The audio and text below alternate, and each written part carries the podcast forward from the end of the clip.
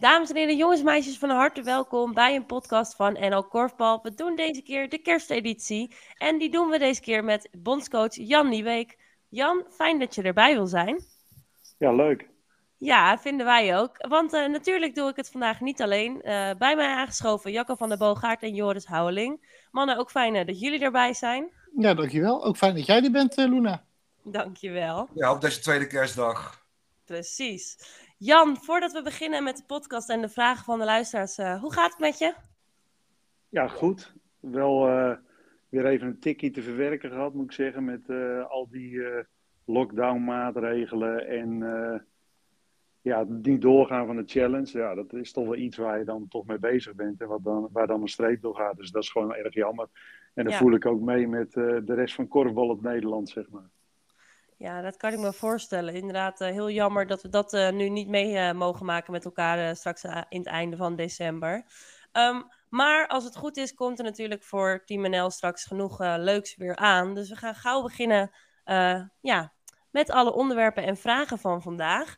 Um, en de eerste vraag die we eigenlijk voor je hadden, Jan, is ja, de Korfbal League, nu vijf ronden geweest. Um, vind je dat er verrassingen tussen zitten? Wat vind je van het niveau, de wedstrijden? Kun je daar je licht eens over laten schijnen? Ja, weinig verrassingen, denk ik. Uh, of het moet zijn dat, dat DVO zich wel echt uh, ja, een heel stabiel hoog niveau haalt. Dat is misschien de grootste verrassing, denk ik. En verder ja, zitten er in mijn ogen, loopt het wel een beetje zoals ik uh, dat ook wel verwacht had. En op jouw vraag, wat, wat vind je van de kwaliteit? Ik denk dat het tactisch uh, je merkt gewoon dat het belang van deze wedstrijd heel groot is. Dus je ziet dat heel veel ploegen uh, helemaal niet aan het opbouwen zijn, maar direct tactisch alle recepten uit de kast grijpen om de andere ploeg te verstoren. En ja, dat levert niet altijd het meest aantrekkelijke korfbal op, moet ik eerlijk zeggen. Jan, de denk jij dat, uh, dat DVO het niveau vast kan houden wat ze nu hebben? Ja, dat is altijd uh, dat ze een beetje in de toekomst kijken. Ik denk gewoon dat ze heel goed bezig zijn. En je ziet dat ze de afgelopen jaren telkens een stapje gemaakt hebben. En ik zie niet echt in waarom ze dat nu niet vast zouden kunnen houden. Want je ziet ook wel dat ze in de breedte net even wat beter zijn, denk ik. Ook met het doorbreken van Annelie. Dus uh, ja, Annelie de Korte bedoel ik dan. En dus volgens mij uh, staan ze er gewoon goed op. En ja, dat, dat zullen we gewoon moeten afwachten of ze dat kunnen vasthouden. Want ik geloof inderdaad wel ja, dat zij. Uh, ja, voor hun is alles nog nieuw, zeg maar. Dus dat, ja, dat precies. Daar, daarom vraag ik het ook. Ja. Hey, Jan, ik sta er goed op, ja. Hey Jan, en uh, hoe, hoe kijk je naar jouw internationals? Want een aantal, uh, nou, die, die hebben toch wel zichtbaar een, een, een, een, een EK nog in de benen. Nou, de internationals bij Fortuna lijken daar heel weinig last van te hebben. Maar hoe, hoe kijk jij daarnaar? Nou, een beetje hetzelfde. Kijk, uh, ik denk ook wel uh, dat het mentale deel van zo'n EK. Het, het, vraagt natuurlijk ook wel iets van een topsporter om dat gewoon zo snel mogelijk weer achter zich te kunnen laten en weer te presteren. Dus ik zie dat ook wel als een, uh, een vaardigheid. Kan je als topsporter gewoon die hongerigheid en die, die, ja, die drive weer gewoon opbrengen om een goed niveau te halen. En daar zie je best wel wisselende ja, voorbeelden van, ja. Helaas. Of ook, uh, ook mensen die het heel goed doen, hè. Dus dat is ook mooi. Dat is uh, inderdaad heel fijn natuurlijk. Je zei al dat je het niveau uh, niet altijd even hoog vindt, omdat het vooral zo tactisch is. Um, vind je wel dat er bepaalde spelers zijn die er tot nu toe echt uitspringen in de competitie? Ja, wat mij betreft Chris van Haren vind ik echt een heel goed seizoen tot nu toe spelen. Op, eigenlijk op alle, alle vlakken. In het samenspel, hoog scoringspercentage, reboundkracht. Dus hij maakt op mij gewoon een hele goede indruk, uh, Chris van Haren. En nou, Geert-Jan Meerkerk vind ik ook opvallend presteren, omdat uh, hij uh, zich wel duidelijk aan het aanpassen is aan, om om te gaan met kwaliteit om zich heen. Dus dat vind ik wel een mooie ontwikkeling. En natuurlijk Annelie de Korte vind ik ook wel echt een, eh, de revelatie in mijn ogen tot nu toe. Die het gewoon echt goed doet. En uh, ja, uh, eigenlijk pas junioren international is. Dus onder 19 is. Dus dat is wel een knappe stap die zij zet. dan zie ik uh, Ran Faber, vind ik gewoon, die laat gewoon zien dat, dat wat hij heeft laten zien tot nu toe geen toeval was. En die, die is wel degelijk gewoon die lijn aan het doorzetten. En dat vind ik wel uh, ook knap. Dat is een duidelijk verhaal. Ik hoor ook geen vragen van mijn mede nou, mannen vandaag. Dus dan ga ik lekker door met het volgende onderwerp. Um, ik zei het net al, hè, als het goed is, komt er natuurlijk straks wel weer iets leuks aan voor Team NL. De World Games natuurlijk. Um, hoe ziet dat traject er dan nu uit? De challenge valt er inderdaad natuurlijk tussenuit. Hoe gaat de voorbereiding er verder uitzien richting de World Games straks? Ja, we gaan de komende week in plaats van de challenge wel uh, gewoon trainen op Papendal. Dus we proberen wel gewoon uh, de trainingsbelasting op peil te houden, zodat ze geen terugval krijgen.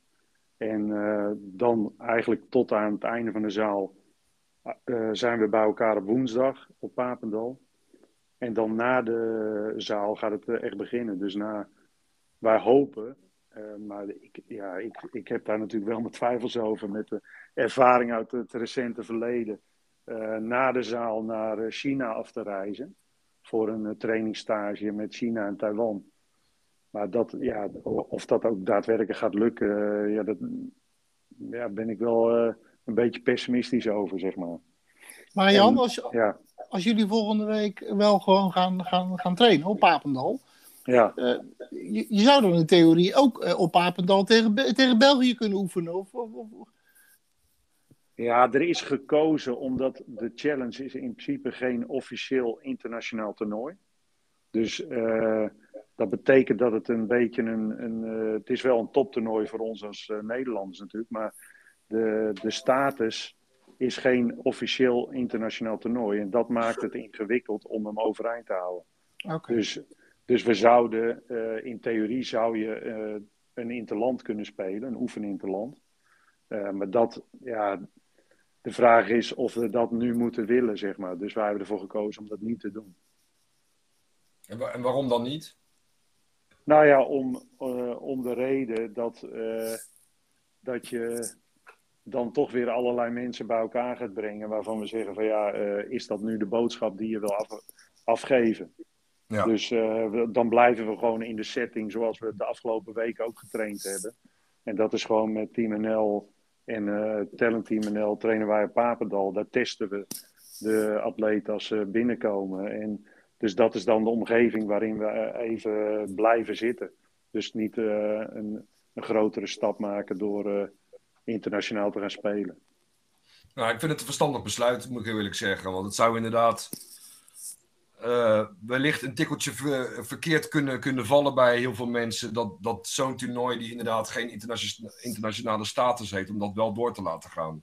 Dus ik vind het wel een heel verstandig besluit. Ja, daar ben ik het ook mee eens.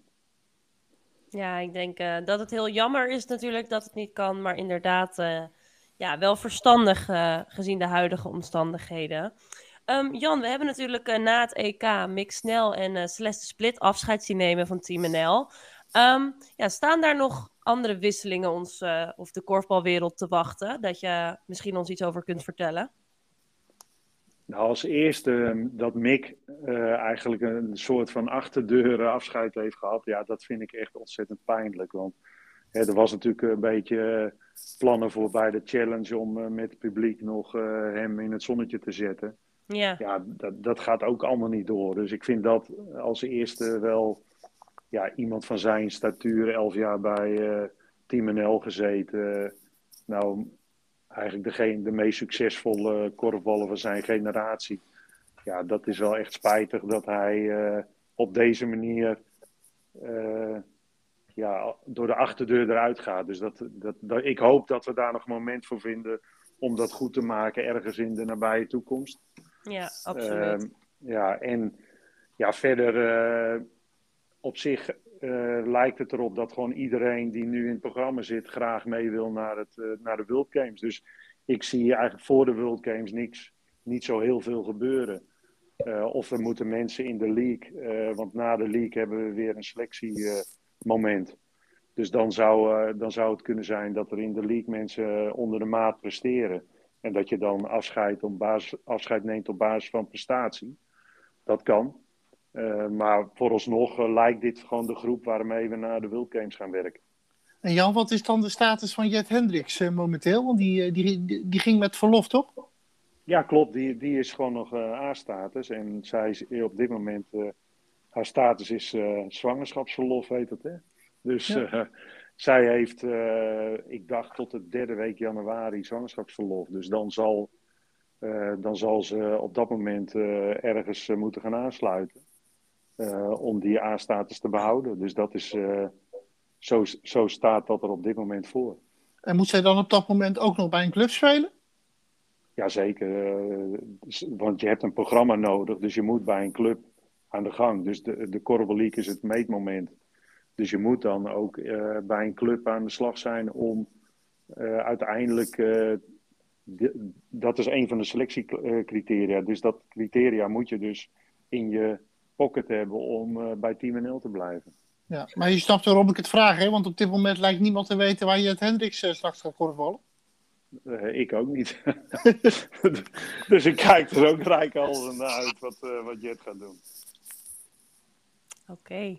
Um... Ik, ik, heb nog wat, ik wil nog wat vragen over het EK, Luna. Dat hebben we. Dat...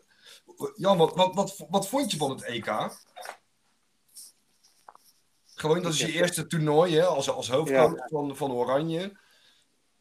Hoe heb je dat, uh, zoals Luna dat altijd zegt, hoe heb je dat ervaren? Nou, in de, eerste, in de eerste instantie was het natuurlijk in de aanloop naar het EK een enorme spanning rondom een aantal coronabesmettingen. Ja. Uh, waaronder ik zelf. Dus uh, ja, dat was gewoon een enorm spannende aanloop naar het EK toe. Dus uh, op zondag gingen we ook met z'n allen testen. daar was ik dan niet bij, omdat ik op dat moment nog in quarantaine zat. Ja, jij, was zelfs, die... jij was zelfs een beetje ziek zelfs, hè? Ja, klopt. Ja. Ik, ik was zeg maar voor de, de vrijdag nacht voor, uh, voordat het toernooi begon, was ik uh, nog wel behoorlijk uh, grieperig geweest. En gelukkig nam dat daarna heel snel af. Dus dat, daar was ik heel dankbaar voor. Maar voor de spelers was dat, en eigenlijk voor iedereen die direct betrokken was, was dat een heel spannend moment. Want op, op zondag gingen we dus, op vrijdag was iedereen getest. daar hadden we dus drie positieve besmettingen. En op zondag gingen we dus weer met z'n allen testen. En degenen die positief zouden zijn, die zouden niet meegaan naar de EK. Dus dat was wel een soort extra lading. We hebben heel lang op Papendal gezeten met testen. Ja, dus het, het, wordt ook een soort routine om te testen. Maar die test was echt geen routine. Want toen was wel echt iedereen uh, ja, uh, vol aan, zeg maar. En ook uh, best wel bezorgd over of dat goed zou aflopen. Gelukkig is dat allemaal binnen de, ja, gebleven bij die drie gevallen. En hebben we hebben we, zijn, hebben we ook de keus kunnen maken om die gewoon weer te laten aansluiten, omdat ze niet heel ziek waren. Dus, uh, dus niet te veel verlies hadden in, uh, in conditie. Maar je zag eigenlijk in de finale bijvoorbeeld, uh, dacht ik te kunnen zien dat Laurens nog niet helemaal op nou, dat, zijn conditionele niveau was. Dat hebben wij ook gezien. Oké, ja. Dus, maar ik vond hem, zeg maar, een, een belangrijk deel van de wedstrijd was die haalde hij gewoon een prima niveau. Maar je zag aan het eind wel dat dat eh, een beetje inzakte. Ja, maar, dus, en, uh, maar, maar het toernooi... Geef, eens, geef ook eens antwoord, want, want uh, op zeg maar, de belangrijkste vraag: van hoe heb je dat ervaren als, als, als bondscoach op, op zo'n toernooi? Hoe, hoe, hoe, hoe heb je dat gevonden? Ja, ik vond dat, dat, dat is eigenlijk natuurlijk het moment waarvoor je het eigenlijk doet. Ja, precies. Heel, dat, dus dat vond ik heel mooi, want dan ga je weer in de wedstrijdcoaching en ben je weer bezig, heel intensief bezig met je ploeg om dat uh, goed neer te zetten. En kijk, wat, wat ik wel ingewikkeld vond, hè, dat, en dat heb ik als uh, clubcoach bij Top ook wel gehad, natuurlijk bij, tijdens de Europa Cup, uh, dat je ja, dat, dat je eigenlijk pas een meetmoment krijgt in de finale. Dus dat maakt het wel ingewikkeld. Hè? Je zag ook dat Duitsland in de halve finale stellen zij gewoon uh, een aantal mensen niet op. Wat ik ook ja. volstrekt begrijp, want zij willen gewoon brons halen. Dus, um, dus dat maakt het wel, uh, nou, wel uh, moeilijker, vind ik. Omdat je, ja, je, je, je, je bent aan het spelen met de, de beste spelers van, van de wereld. En je, je speelt tegen mensen die waarschijnlijk niet in de Korrel League zouden spelen. Dus dat, dat, die dynamiek is wel iets, uh, ja, dat heeft altijd iets ingewikkelds. Ja, en, en je, had het net over die, uh, over die coronabesmettingen. Want jullie zijn voor het toernooi zijn jullie naar Tsjechië gegaan. Ik heb me eigenlijk altijd afgevraagd, tenminste en vooral achteraf hoor, zeg, moet ik heel eerlijk bekennen. Waarom jullie daar überhaupt naartoe zijn gegaan? Want het, ik, ben, risico, ik, ben, heel blij. Ja. Het, het, risico op besmettingen, dat heb je natuurlijk nu hiermee natuurlijk wel genomen. Ja, ik weet niet of, dat, of je dat zo kan stellen, omdat je die, die uh, besmettingen kan je ook in Nederland oplopen. Dus dat, dat maakt het heel ingewikkeld. Hè? Uh, dat je enerzijds natuurlijk, je gaat in een vliegtuig zitten, je gaat met elkaar in, in busjes zitten. Ja, achteraf, achteraf gezien zou ik dat ook anders doen. Um, dus daar, ben ik het direct mee eens. Hè? Dus met de lessen die we geleerd hebben, zou ik het nu weer anders doen.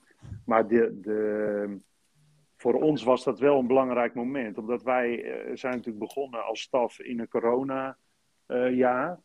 Uh, uh, waarin we eigenlijk niet op dit soort stages zijn geweest. En dan wil je ook gewoon even de dynamiek van je staf testen. En van de samenwerking staf-spelersgroep. En de spelersgroep in een vreemde setting. ja, dat is wel heel waardevol om te kijken van hoe functioneert dat nou? Hoe werkt dat? Hoe kun je het proces nog ietsjes verbeteren? Dus hè, we, we, hadden gewoon een aantal nieuwe mensen op het internationale niveau. En dan is het wel belangrijk dat je, aan elkaar, dat je weet wat je aan elkaar hebt. En dus vanuit dat perspectief was ik heel blij met die uh, Tsjechië-trip. En uh, ja, ik, ik ben me wel. We, hebben ons ook wel aan de voorkant gerealiseerd dat er een risico in zit. Maar je wil ook in een setting komen waarin de druk komt op je begeleidingsteam. En op de spelersgroep in een andere setting. We hadden ook nog een aantal dingen te bespreken met de spelersgroep. Dus, en daar hebben we door middel van die trip echt wel een goede stap in kunnen zetten. Over wat voor dingen heb je het dan, Jan? Als je zegt dingen te bespreken? Nou, uh, gedrag van spelers ten opzichte van de internationale korfbal community. Uh, dat vond ik een hele belangrijke. Dus hoe zorg je voor verbinding van die internationale community? Nederland heeft een, een, Doordat ze eigenlijk overal bovenuit steken, is het heel moeilijk om een goede connectie te hebben in die internationale community. Omdat ja, voor jou als Team NL-speler is het heel normaal dat je, ja, wij zijn gewend aan clubniveau waarin je heel benaderbaar bent voor uh, mensen van de club of mensen van tegenstanders of van fans vanuit uit het land. maar vanuit de internationale community is dat echt wel alsof je tegen Maradona staat te praten of Johan Cruijff. Dus je, je, dat, dat zijn zeg maar, zij hebben een status die ook afstand creëert. En ik wil dat zij inspireren, maar ook benaderbaar zijn. Hm. Ja, dat is denk ik uh, een mooie, ja, mooie rol voor de spelers van Team NL. Om het nog even door te gaan op, die, uh, ja, op dat internationale. Jan, wat vind jij momenteel van het niveau van het internationale korfbal? Ook natuurlijk, ja, misschien wel door de pandemie, dat er in andere landen minder kon, minder getraind is. Hoe kijk jij daarnaar? Nou, je zag inderdaad eh, op het EK een aantal landen die echt problemen hadden met hun uh, korfbalbelasting. Ja. Dus uh, die, dan zag je duidelijk aan dat zij gewoon heel weinig hebben kunnen trainen en spelen in het afgelopen jaar. Er waren ook uitzonderingen, want ik denk bijvoorbeeld voor België was het echt uh, een aanwinst dat zij veel meer met het nationaal team hebben kunnen trainen en uh, dus ook veel vaster waren in hun samenspel. Dat heb je ook kunnen zien. Hè, daar, de, ik vind ook dat ze daar alle complimenten voor verdienen. Dus het is een beetje wisselend. als je kijkt naar het, algehele niveau, ja, dan is het internationale korfbal is iets van de lange adem. Hè. Ik, toen ik zelf international was in uh, 97 World Games in Lahti, toen eh, was de top 3 een beetje hetzelfde als wat die nu is, wereldwijd. Dus, maar ik zie wel dat een China, een Duitsland die aanklant, een Portugal die die echt wel soms de onderkant van de top 3 kan aanvallen. Dat was in het verleden niet mogelijk. Dus je ziet eigenlijk dat de breedte wel beter wordt. Maar de afstand ten opzichte van eh, Nederland, ja, die, die zie ik niet uh, slinken. En dat heeft ook gewoon te maken met de Korfbal League. Want wij hebben de sterkste competitie van de wereld. Waar onze sporters elke week top moeten zijn. Ja, en dat, dat, dat kan geen enkel land nabootsen. Ik had juist de indruk, Jan, uh, want ik heb tijdens het WK, ik had niks te doen. Dus ik heb zo ongeveer alle wedstrijden gezien. Dat achter ja. België de kloof alleen maar groter is geworden. Ja, dat was in, in dit geval zie, heb ik een aantal landen dat wel uh, zien doen. Maar je zag ook, ik denk dat België veel beter is dan uh, drie jaar geleden op het EK. Dus uh, de Belgen hebben ook voor het eerst een serieus topsportprogramma gedraaid. En dan zie je dat zij met een redelijk goede competitie, een aantal mensen die in Nederland gespeeld hebben of spelen, uh, dat zij wel degelijk stappen maken. Dus, en dat is wat mij betreft ook het recept voor andere landen. Je zal gewoon spelers in de Nederlandse competitie moeten hebben om stappen te maken.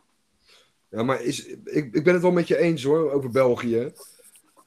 Maar gaan de Belgen dat ook doortrekken? In die zin, kijk, het, het, EK was ook in België. En dan lijkt het wel alsof België altijd een heel stuk sterker is dan als ze niet in België spelen dat speelt natuurlijk, het thuisvoordeel speelt ook mee.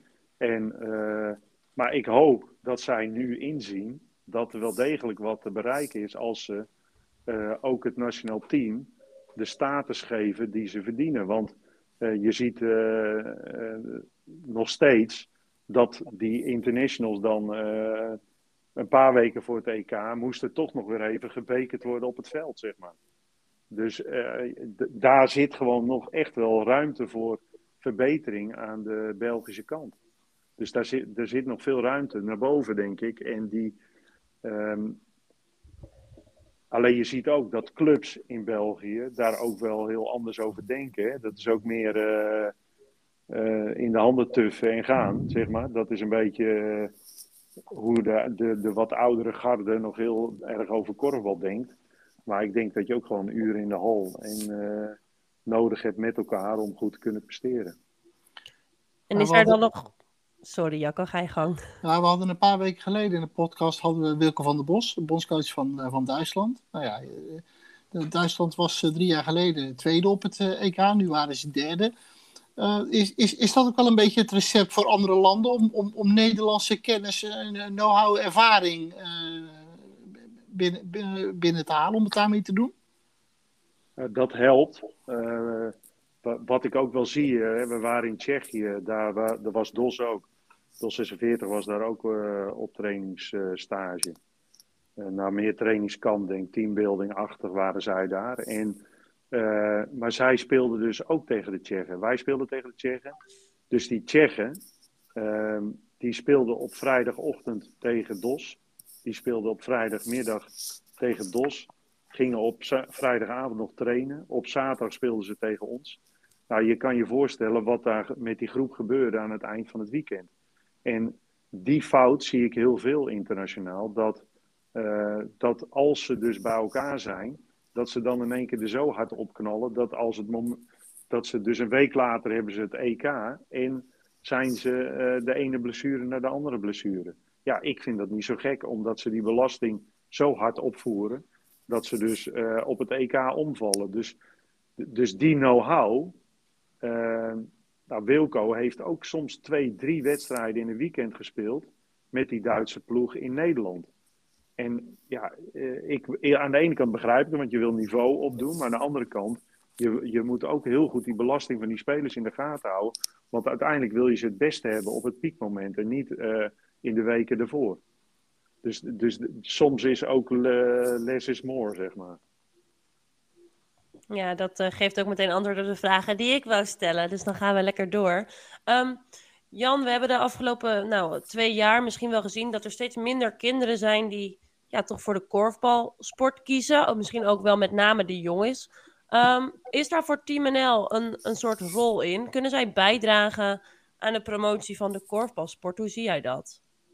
Jazeker, uh, dat doen we ook. Uh, we hebben uh, een van de eerste dingen die, die ik gerealiseerd heb met de groep is helderheid krijgen in hun maatschappelijke inzet. Dus Ja. wat, wat ga je doen voor, eh, voor het eh, korfbal in het algemeen? Hoe ziet dat eruit? Hoeveel momenten zijn dat? Wanneer eh, doen we dat? Aan welke kwaliteitseisen voldoet dat? Eh, en dat heeft dus ook in, eh, dat stelt dus een eis aan de international kant, die in, in de basis natuurlijk gewoon topsporter is, maar die ook een maatschappelijke rol heeft in mijn ogen. Dus wij hebben een convenant samen opgesteld waarin dat beschreven staat. En daar hebben al die spelers een handtekening onder gezet. En dat is ook hoe we het doen. En daar, daar is dus de This is Korfbal Tour eh, eh, staat daarin. Daar staat in dat ze clinics geven in eh, augustus, eind augustus, begin september van het jaar. Daar staat in dat we in het land ingaan rondom een, een toernooi. Daar staat in ook iets als de, het korfbalgala. Of nee, niet het korfbalgala, het sportgala. Wat nu ook weer niet door is gegaan, eh, het nationale sportgala. Dat ze daar acte de présence moeten geven. Dus er zijn gewoon een aantal eh, zaken die, die niet eh, horen bij in het veld staan, maar die dus een maatschappelijke waarde hebben. Ja. En nou, da- daar, daar, probeer, daar proberen we dus ook. Hè. We zijn afgelopen jaar in Almelo geweest. Eh, nou, Almelo, eh, Achilles Almelo, die heeft ook een programma daaromheen gebouwd. Die hebben ehm, een soort awareness gemaakt in de stad. Toen zijn wij op allerlei scholen geweest. Vervolgens hebben zij met Samantha Jonkman nog nazorg gedaan op die scholen. En zij zijn in de jeugd 30, 40 procent gegroeid in het afgelopen jaar. Dus het is wel degelijk mogelijk als je eh, programmatisch naar, ergens naar kijkt en je zorgt dat je zichtbaar bent op die scholen. Wij hebben een fantastische sport. Als je dat goed aan de man brengt en je laat dat ook meerdere keren zien, dan haal je die kinderen ook binnen. Daar ben ik 100% van overtuigd. Dus het Maar is, het is ook. Ja, Jacco? Maar jullie zijn dus ook echt bereid om daar met, met Team NL een, een actieve rol in te spelen. Zeker, zeker. Absoluut. Ik denk dat het eh, in mijn ogen is dat heel belangrijk. Nou, dat is eh, goed om te horen. En hopelijk ga- gaat dat ook de komende jaren nog door. Waardoor we natuurlijk zoveel mogelijk kinderen lekker aan het korfballen krijgen. Dat zou natuurlijk eh, heel mooi zijn eh, voor de sport. En ik vind Ja. trouwens ook mooi, er zijn ook mooie initiatieven, hè, zoals met wat André Kuipers met de Korfbal Stars doet. En je hebt, ehm, ehm, ben ik even zijn naam kwijt, een jongen die ook bij Rotterdam topsport werkt, maar die heel goed werk doet uit de Zaanstreek. Jij kent hem vast, Luna.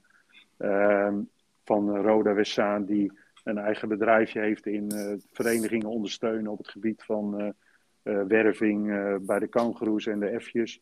Hij heeft daar een heel mooi programma voor, voor ontwikkeld. Dus er zijn echt mooie initiatieven die ook waardevol zijn. Ja, die kan onze sport altijd goed gebruiken natuurlijk.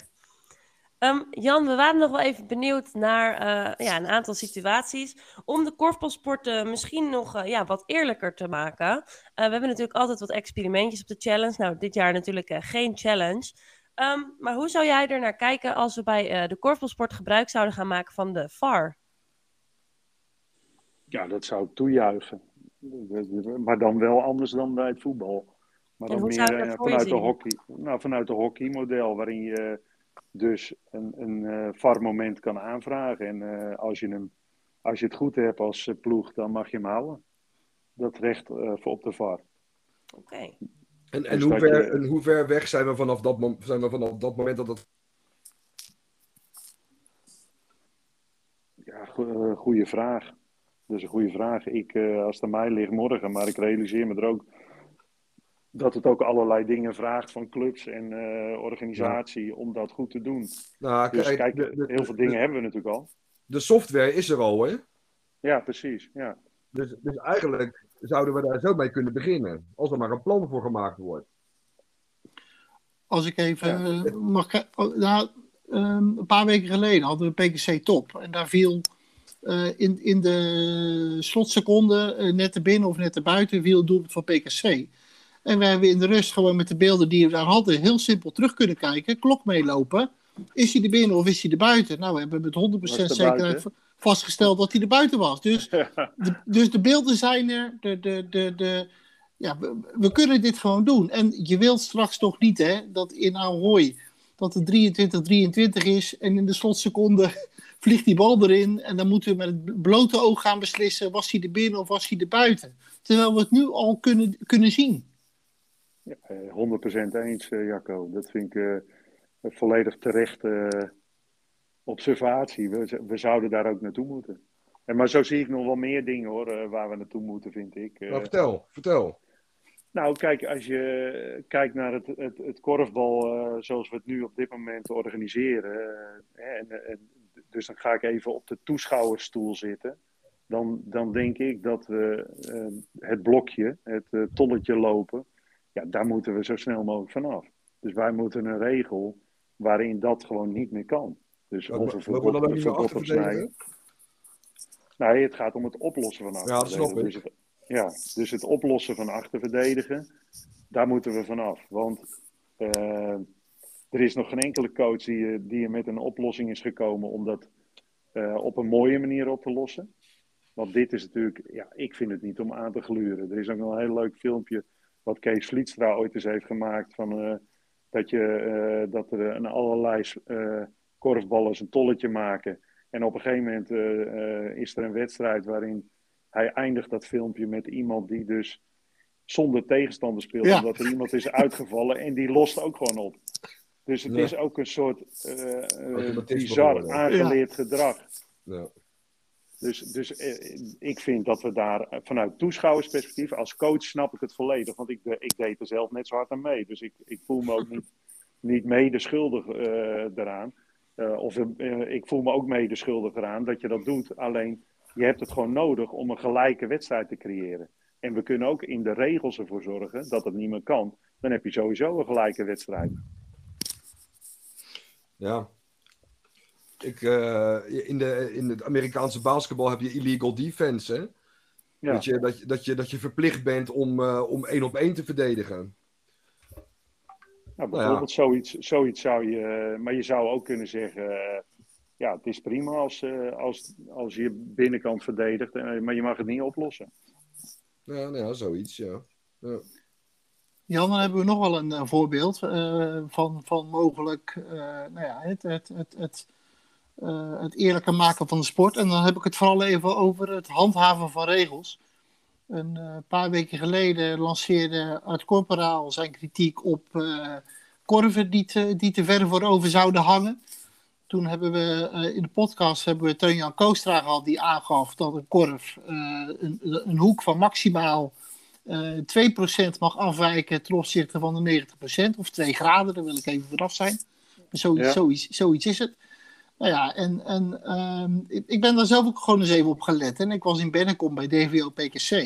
En toen Jan zei van nee, wij meten dat in onze sport met het blote oog. Dus de scheidsrechter moet vanaf de middenlijn mag hij de achterkant van de korf niet kunnen zien.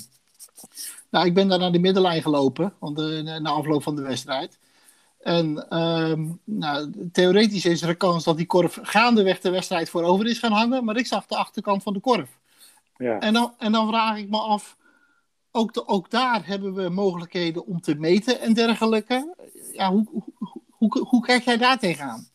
Nou, dat is heel simpel, want als je een korf lange tijd gebruikt, dan, uh, dan scheurt hij in de achterhoek, waar hij eigenlijk op hangt, daar scheurt hij iets in. Dus uh, als scheidsrechter haal je de korf eraf en je kijkt of die korf nog uh, conform het gietmodel is zoals die hoort te zijn. En dan is die korf goed. Dus volgens mij moet je hem er gewoon even afhalen en kijken of die nog nieuw genoeg is om op te kunnen spelen. Maar heb jij dat wel als een scheidsrechter zien doen? Nee, nooit. En nou, dan zijn we er toch? Ja, nee, maar ik denk ook dat dat, dat, dat zijn wel. En het, het zegt ook wel iets over onze sport. Dat het steeds meer over details gaat. Dus dat vind ik ook wel weer mooi. Dus dit zijn wel details die belangrijk zijn geworden. Want in het verleden waren die niet belangrijk. Dus het, het, het, is mooi dat onze sport zich zo doorontwikkelt. Maar gaan we er ook wat aan doen? dat, dat, dat onze sport... Wat mij betreft wel. Wat mij betreft is dit dan een oproep aan alle scheidsrechters om dit gewoon te controleren. Ja. En, uh, en volgens mij uh, zou, zou dat bij het KNKV ook kunnen gebeuren. Dus uh, ik, zal, ik, zal, ik, ga die, ik ga die vraag stellen. Is, ja, het ook niet zo dat, kijk, uh, ook KNKV organiseert die competitie, dus die moet ook de voorwaarden creëren dat de competitie zo eerlijk mogelijk verloopt. En die zal de scheidsrechters moeten instrueren dat, dat daarop gelet gaat worden. Eens. Eens. Zo, zo werkt het toch? Nee, ik ben, daar ben ik met je eens. Ben ik met je eens. Maar het is ook wat je aandacht geeft groeit. Dus met het feit dat wij hier aandacht aan besteden. En dat we misschien op meerdere plekken die aandacht ervoor krijgen, dan, uh, dan zal dat ook uh, automatisch gaan gebeuren, denk ik. Want het staat al in de regels. Het is nog een kwestie van even de aandacht op de juiste plek leggen. Ja, wie weet zien we dan uh, als de competitie in januari weer hervat wordt, wekelijks de scheidsrechters even de man van de, van de paal afhalen. Um, Jan, we gaan nog even door. We hebben nog een aantal vragen van wat luisteraars uh, binnengekregen. Want uh, we hadden de luisteraars van NL Korfbal de mogelijkheid gegeven om jou uh, ja, vragen te stellen. en die willen we natuurlijk niet onthouden. Um, want er is één vraag die het meest is ingestuurd door onder andere Ole, Luc, Jonne en Lotte. Die waren heel erg benieuwd. Wat zijn nou de criteria voor het selecteren voor, tellen, voor Team NL? Kunnen, wat moet je doen ja, om bij Team NL te komen?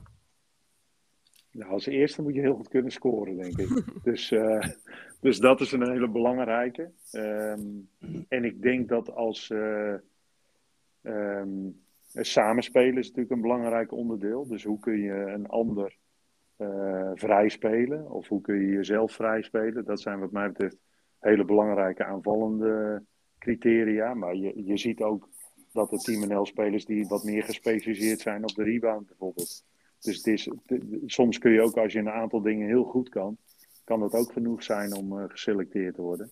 En dan de tegenhanger daarvan is natuurlijk eh, goed verdedigen. Dus het voorkomen van scoren. Het voorkomen van vrij spelen. Het onderscheppen. Dus eh, in balbezit komen. Dus dat zijn wat mij betreft de factoren waar je naar kijkt als, eh, als coach. En ook hoe lang je dat vol kan houden. Dan heb je je conditie. Nou, dan, als je daar dan boven de rest uitsteekt, dan kom je in 10 0.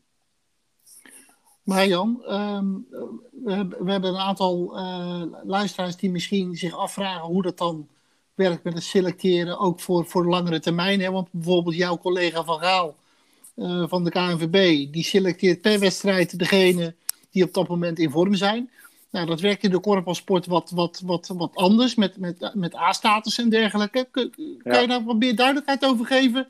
Misschien met name voor de wat jongere luisteraars die, eh, die dat ja, die dat systeem niet kennen? Jazeker. Um, wat, wat binnen het korfbal is het zo dat je betaald wordt als, als Team NL-speler door een stipendium. En een stipendium is een vergoeding die jij krijgt omdat je heel veel tijd in je sport steekt en deel, onderdeel uitmaakt van Team NL. Um, en dan moet je denken aan iemand van 20 jaar, die heeft 2000 euro bruto uh, per maand. Dus in die orde vergroten moet je ongeveer denken. Ik weet het niet op de 100 euro of tientjes uh, nauwkeurig, maar het zit in die, in die orde vergroten. Uh, en iemand van 25, die heeft 2500 euro bruto per, per maand. En daarvoor ben je topsporter, ben je onderdeel van Team NL. Dan moet je trainen bij Team NL en je moet trainen bij je club. Die twee componenten die zijn belangrijk. En we hebben 18 spelers bij Team NL met een A-status. En wij hebben, uh, omdat het best wel ingrijpend... Kijk, van uh, eh, 2000 euro kun je uh, een aantal dingen heel goed doen. Maar het is niet voldoende om je binnen je korfballende leven financieel onafhankelijk te korfballen. Dus wij bieden ook de ruimte om aan je maatschappelijke carrière te werken. Dat kan door studie of door uh, beperkt aantal uur te werken. En dan moet je ergens rond nou, maximaal 15 uur per week, 16 uur per week, iets in die orde vergroten, kun je daarnaast werken. Um, om maatschappelijke ervaring op te doen. En wij hebben twee selectiemomenten. Dat is of misschien drie selectiemomenten. Het ene selectiemoment is na, het, na de, uh, de League. Dus dat is de hoogste competitie op de wereld. Dan, daarna selecteren we. Een mooi voorbeeld is denk ik Sanne van der Werf, die vorig jaar toegevoegd is omdat ze een sublieme eindfase van de competitie speelde. Uh, en uh, na een toernooi. Dus uh, in dit geval Celeste Split nam afscheid na het toernooi. Mick Snel nam afscheid na het toernooi. En dan komen de plekken vrij. Nou, in, in afgelopen jaar hadden wij Terrence Griemink als, nou, noem het stageplek, hadden wij hem opgenomen. Die had dus geen A-status, maar deed wel mee in het programma.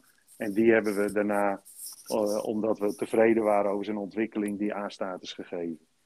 Als je een A-status krijgt, hou je die een jaar. Omdat we willen iemand de tijd geven om te acclimatiseren. Je ziet ook heel vaak dat mensen gedurende het eerste jaar dat ze hun A-status hebben, een terugval krijgen. En uh, ja, dat kan. Dat hoort er ook bij het wennen aan je nieuwe status, aan je nieuwe uh, trainingsuren, aan het programma. Dus dat, dat heeft allemaal invloed op hoe jij presteert. En ja, dat moet je ze ook de tijd geven om even te wennen aan die omstandigheden. Dus zo kijken wij daarna. Jij al de naam van Terry Screaming, want we hebben het nu over selecteren.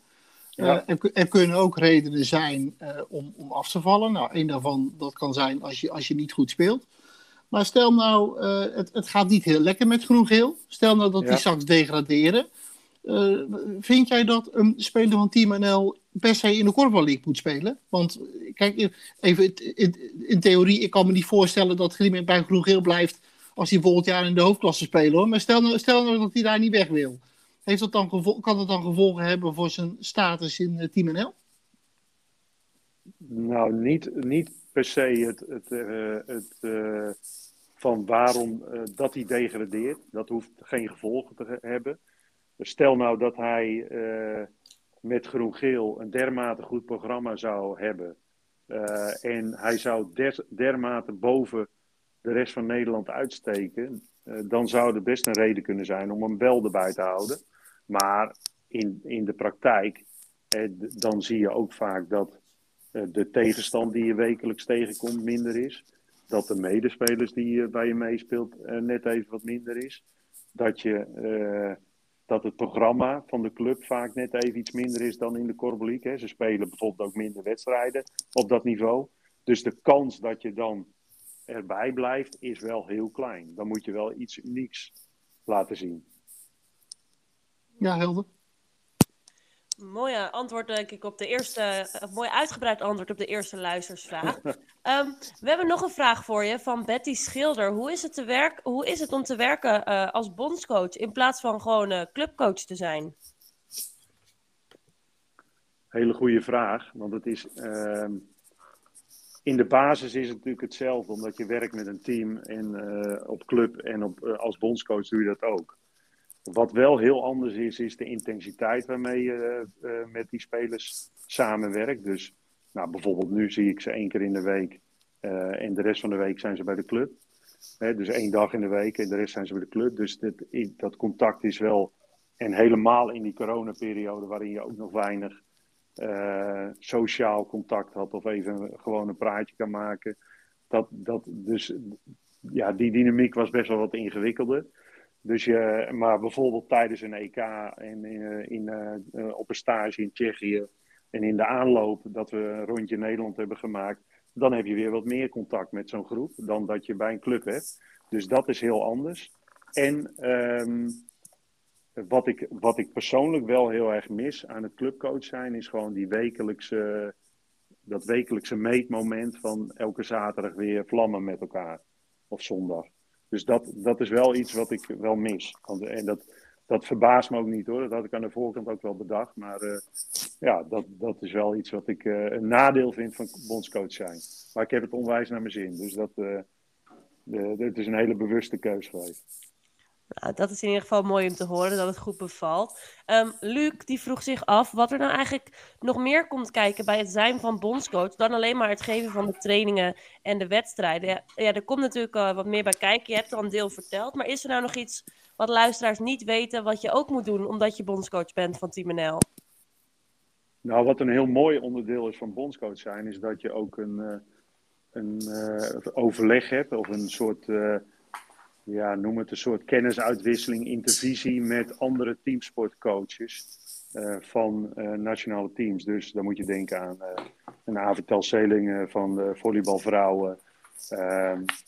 En de hockeymannen, vrouwen, de waterpolo, het handbal.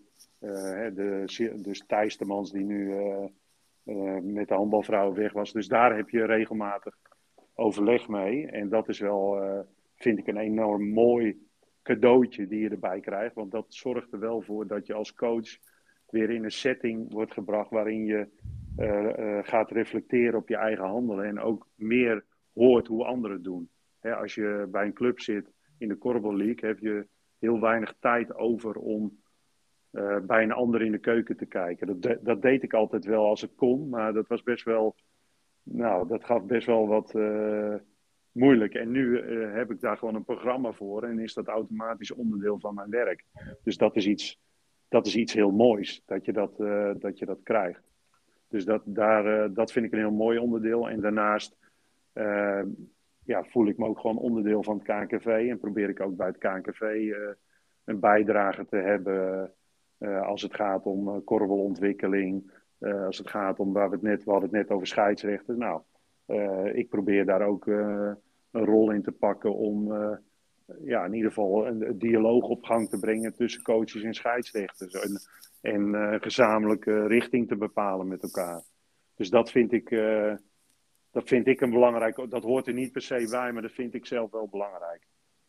Ja. En, en, als laatste heb ik als coach bij de, in de Corbel League altijd heel erg het contact gemist uh, met uh, Team NL. En nou, dat probeer ik heel erg anders aan te pakken door wekelijks goed te communiceren met de clubcoaches. en, dus dat vind ik, vind ik ook een belangrijk onderdeel als, als professional in de sport, dat je die rol ook oppakt. Nou, ik denk dat de laatste luisteraarsvraag daar erg mooi uh, op aansluit. Want Niels Paschier die vroeg zich af wat nou de grootste verschillen zijn tussen jou als bondscoach en de vorige bondscoach uh, Wim Schotmeijer. Ja, ik ben niet zo van het vergelijken. Kijk, Wim, Wim heeft het op zijn manier gedaan en ik doe het op mijn manier. En ja, wat mij betreft, ik denk, waar, ik, waar wij ons heel erg op richten is het verbinden hè, dat zie je ook aan uh, dat convenant wat we hebben afgesloten, wat we hebben gesloten met de spelers. Het verbinden zit wat mij betreft op het uh, nationaal vlak, dus met verenigingen, met, met clubs. en dat is van, wat mij betreft van hoog tot laag. En ook internationaal, in de internationale community wil vind ik ook dat wij als vooraanstaand land een belangrijke rol hebben om een verbindende factor te zijn in de Corbo community. Dus, die, dus die, dat, dat zijn echt punten waarvan ik zeg van ja, dat vind ik belangrijk en daar steken we ook energie in. En uh, ja, dat, dus dat kan ik vooral over mezelf zeggen. Oké. Okay. Dan uh, hadden Jacco en Joris beide nog één vraag voor je en dan gaan we hem daarna afronden. Joris? Ja, Jan, wie, uh, wie, gaan, wie gaan er volgens jou naar de play-offs? De Corvo League. Nou ja, de eerste drie zijn wat mij betreft niet zo moeilijk, denk ik. Uh, PKC, Fortuna en DVO. Die gaan dat uh, gewoon redden, want die hebben nu, die starten natuurlijk in de tweede fase al met een uh, flink aantal punten, waarschijnlijk, zoals het er nu voor staat. En dan, ja, dan die, die, die laatste plek, ja, dat vind ik echt moeilijk om te zeggen. Kijk, je, je op basis van kwaliteit en ervaring uh, zou dat de LDO kunnen zijn. Oké, okay. Jacco, laatste vraag. Moeten zijn eigenlijk zelfs, hè? Eigenlijk zal ja, het moeten, zijn, misschien. Ja, precies, ja, moeten zijn. Wat wordt dan de, en verwacht jij, sorry hoor, verwacht jij dat het, uh, wat verwacht jij het, eh, wat het verschil gaat zijn tussen de, en dat die, ploeg, dat die ploegen nu naar de kampioenspool moeten gaan? Het geeft toch een andere dynamiek, hè, zeg maar zo meteen. Wat, wat verwacht jij van dat soort van die wedstrijden die daarin gespeeld gaan worden? En, en hetzelfde gaat ook voor de degradatiepool trouwens. Um, nou ja, wat, laat ik vooropstellen dat ik hoop dat gewoon uh, ook weer de rest van Nederland gaat korfballen. Waardoor we ook weer die, die, die eh, dynamiek van hoofdklasse naar Korrebelie krijgen en andersom. Dus dat, dat hoop ik ook gewoon. Dat we, ehm, dat we die competitie weer opnieuw op kunnen starten en kunnen afronden. Dus daar, eh, en ik ben daar best wel positief in gestemd, omdat we ook als KNKV goed hebben nagedacht over welke scenario's er zijn uh, om dat toch nog af te kunnen uh, ronden. En anderzijds, in de Korfbal League hebben we dat ook nodig om die degradatiepool ook interessant te maken. Want dan, dan gaat het ook echt ergens om. Dus dat, dat, dat vind ik heel, uh, een heel belangrijk element voor die degradatiepool. Dat het echt ergens om gaat. En uh, in de kampioenspool ja, verwacht ik uh, wel steek, nou, steekspelletjes. Dus het zal wel echt. op dat moment heb je natuurlijk ook wel gewoon de, de beste ploegen van Nederland tegen elkaar. Dus ik, ik zie daar ook wel interessante duels uit voortkomen. Mooi. Ja, zeker weten. Jacco, dan is het woord nog even aan jou. Ja, uh, Jan, je hebt al een aantal namen genoemd van, van spelers, uh, maar toen werd de vraag anders gesteld. Namelijk spelers die jou op dit moment in uh, positieve zin uh, opvallen. Um, ja, wij zijn natuurlijk eigenlijk wel benieuwd welke, welke spelers jij nog meer van dichtbij volgt. Die op dit moment nog niet in Team NL zitten. Nou, dat is een hele brede groep eigenlijk. Uh, hè, als je kijkt naar. Um, nou, bij DVO had ik er al een aantal opgenoemd, maar daar kan je do, Danielle Boadi en Caitlin Keller ook zo bij, bij zitten. ik had bij LDO zou je ook kunnen denken aan uh, Frieswijk. Um, Julian bedoel je dan? Julian, ja. Julian Frieswijk. Dus daar uh, zou je naar kunnen kijken. Uh, wat ik ook een veelbelovend talent vind is Esme, die bij, bij Van Veen? speelt. Ja. Van Veen, ja. Um, bij, um, bij KZ maar dat was al bekend. Dus een, een Anouk en een Anna zijn ook speel, speelsters die we volgen. Uh, en, uh, maar ook een uh, Arjen van Houwelingen bij PKC of een Sita. Dus dat zijn wat mij betreft... Lars, Lars Horen? Lars Horen, ja. Die, die zie ik natuurlijk best wel vaak. Ook omdat hij bij Talent Team NL meetraint. Datzelfde geldt trouwens voor een aantal anderen hoor. Dus, en Annelie de Kort is ook toegevoegd bij Talent Team NL sinds kort. Dus dat zijn wel uh, ja, uh, spelers die, die je volgt. Um, en uh, even kijken. Volgens mij hebben we dan best wel wat genoemd. Ja, best wel, ja. Ja, dus dat, je, je, je hebt gewoon een soort. We hebben wel een, een, een lijst met, met spelers die je gewoon met extra belangstelling volgt. Ook, kijk, wij proberen eigenlijk twee uh, twee dingen te doen. En een, de een is uh, kijken naar de lijn Talent Team NL, uh, Team NL. Dus wat zijn nou die beloftes die uitstromen? Hè? voor een Bo die, die ben ik nog vergeten te noemen, maar het is wel interessant te spelen. waarvan je kijkt van hey, hoe, hoe, vol, hoe ontwikkelt die zich. Um, dus die lijn probeer je in het oog te houden, maar ook de exceptionele verrassingen die uit het niets komen hè, die zich plotseling op latere leeftijd ontwikkelen, die eigenlijk nooit in die vertegenwoordigende teams hebben gezeten. Ja, die probeer je ook in de gaten te houden. Dus, dus, dus ja, daar, daar, kijken we naar. We hebben ook een soort uh, overzicht van spelers met, uh, op korfbalactieniveau, waarin we ze vergelijken op korfbal, op het verschil uh, in korfbalacties, zeg maar, dus scoren, rebounden, nou, de, waar we het net ook al even over gehad hebben, maar waar we die spelers ook langs leggen. En daar, een soort benchmark maken in, met, ten, met Team NL en met die nieuwe spelers. En dan probeer je ook een beetje rekening te houden met wel, in welk team spelers. Dus wat is hun omgeving? Ja, want dat is ook niet altijd even eerlijk te vergelijken. Als je bij PKC speelt, is dat eenvoudiger uh, als, er, als er drie mensen in jouw vak staan die uh, alle drie over hebben. Is dat makkelijker spelen dan dat je bij Oost-Arnhem speelt. Ja, of dus bij Congeel, of, of bij Congeel dat, je dat daar de beste bent. Precies, dus de, daar zit, uh, dus daar probeer je ook een beetje naar te kijken van ja, wat, wat voor omstandigheden heeft iemand en wat haalt hij daaruit? Of zij? Ik denk uh, een hele duidelijke uitleg uh, wederom. Uh, het is tijd om af te ronden. Jan, we willen je ontzettend bedanken dat je vanavond met ons deze podcast wilde maken. Dank voor al je antwoorden. Um, Graag gedaan.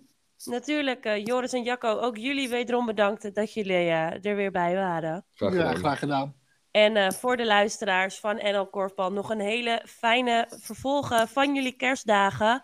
En natuurlijk ook alvast een heel gelukkig, gezond en sportief nieuwjaar. En uh, dan zien we elkaar uh, in het nieuwe jaar weer. Want de podcast met Kees Rodenburg, die we jullie hadden beloofd als kersteditie, die komt in het nieuwe jaar. Dus die houden jullie nog van ons te goed. Maar we gaan nu eerst even lekker genieten van de kerstvakantie.